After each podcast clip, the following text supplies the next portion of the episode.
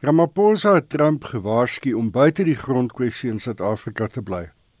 Hy sê die land kan die vraagstuk oplos sonder inmenging van die buitewêreld. Ramaphosa het by 'n konferensie oor biodiversiteit buite Thohoyandou in Limpopo gepraat.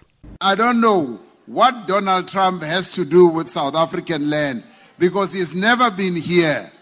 And he must keep his America, we will keep our South Africa. That is what he must do. South Africa is our land.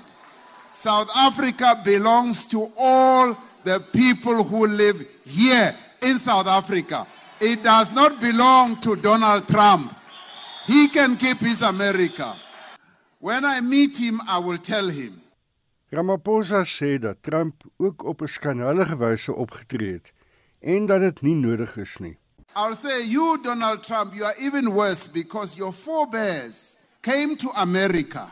They found the native, the indigenous Americans.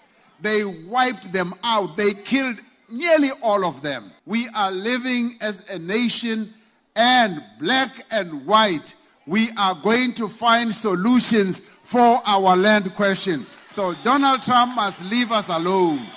Ramaphosa sê die nie net tot voordeel van 'n klein minderheid te wees nie. What we seek to do is to share the land so that all of us can have this great and wonderful opportunity of being able to eke out a living out of the splendor that this country has to give all of us. South Africa, our forebears declared, belongs to all who live in it. And we must make sure that indeed it belongs to all of us.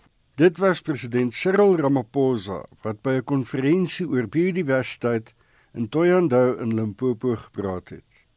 Die konferensie is deur rolspelers in die natuurlewe bedryf, die regering en tradisionele leiers bygewoon. Hierdie bydra van Jabulani Baloyi en Katlego Nyoni in Limpopo en ek is Hendrik Martin vir SAK nuus.